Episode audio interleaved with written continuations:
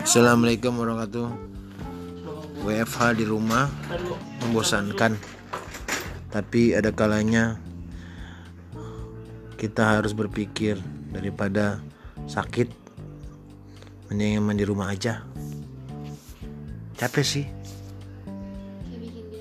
Tapi kumpul keluarga Alhamdulillah menyenangkan.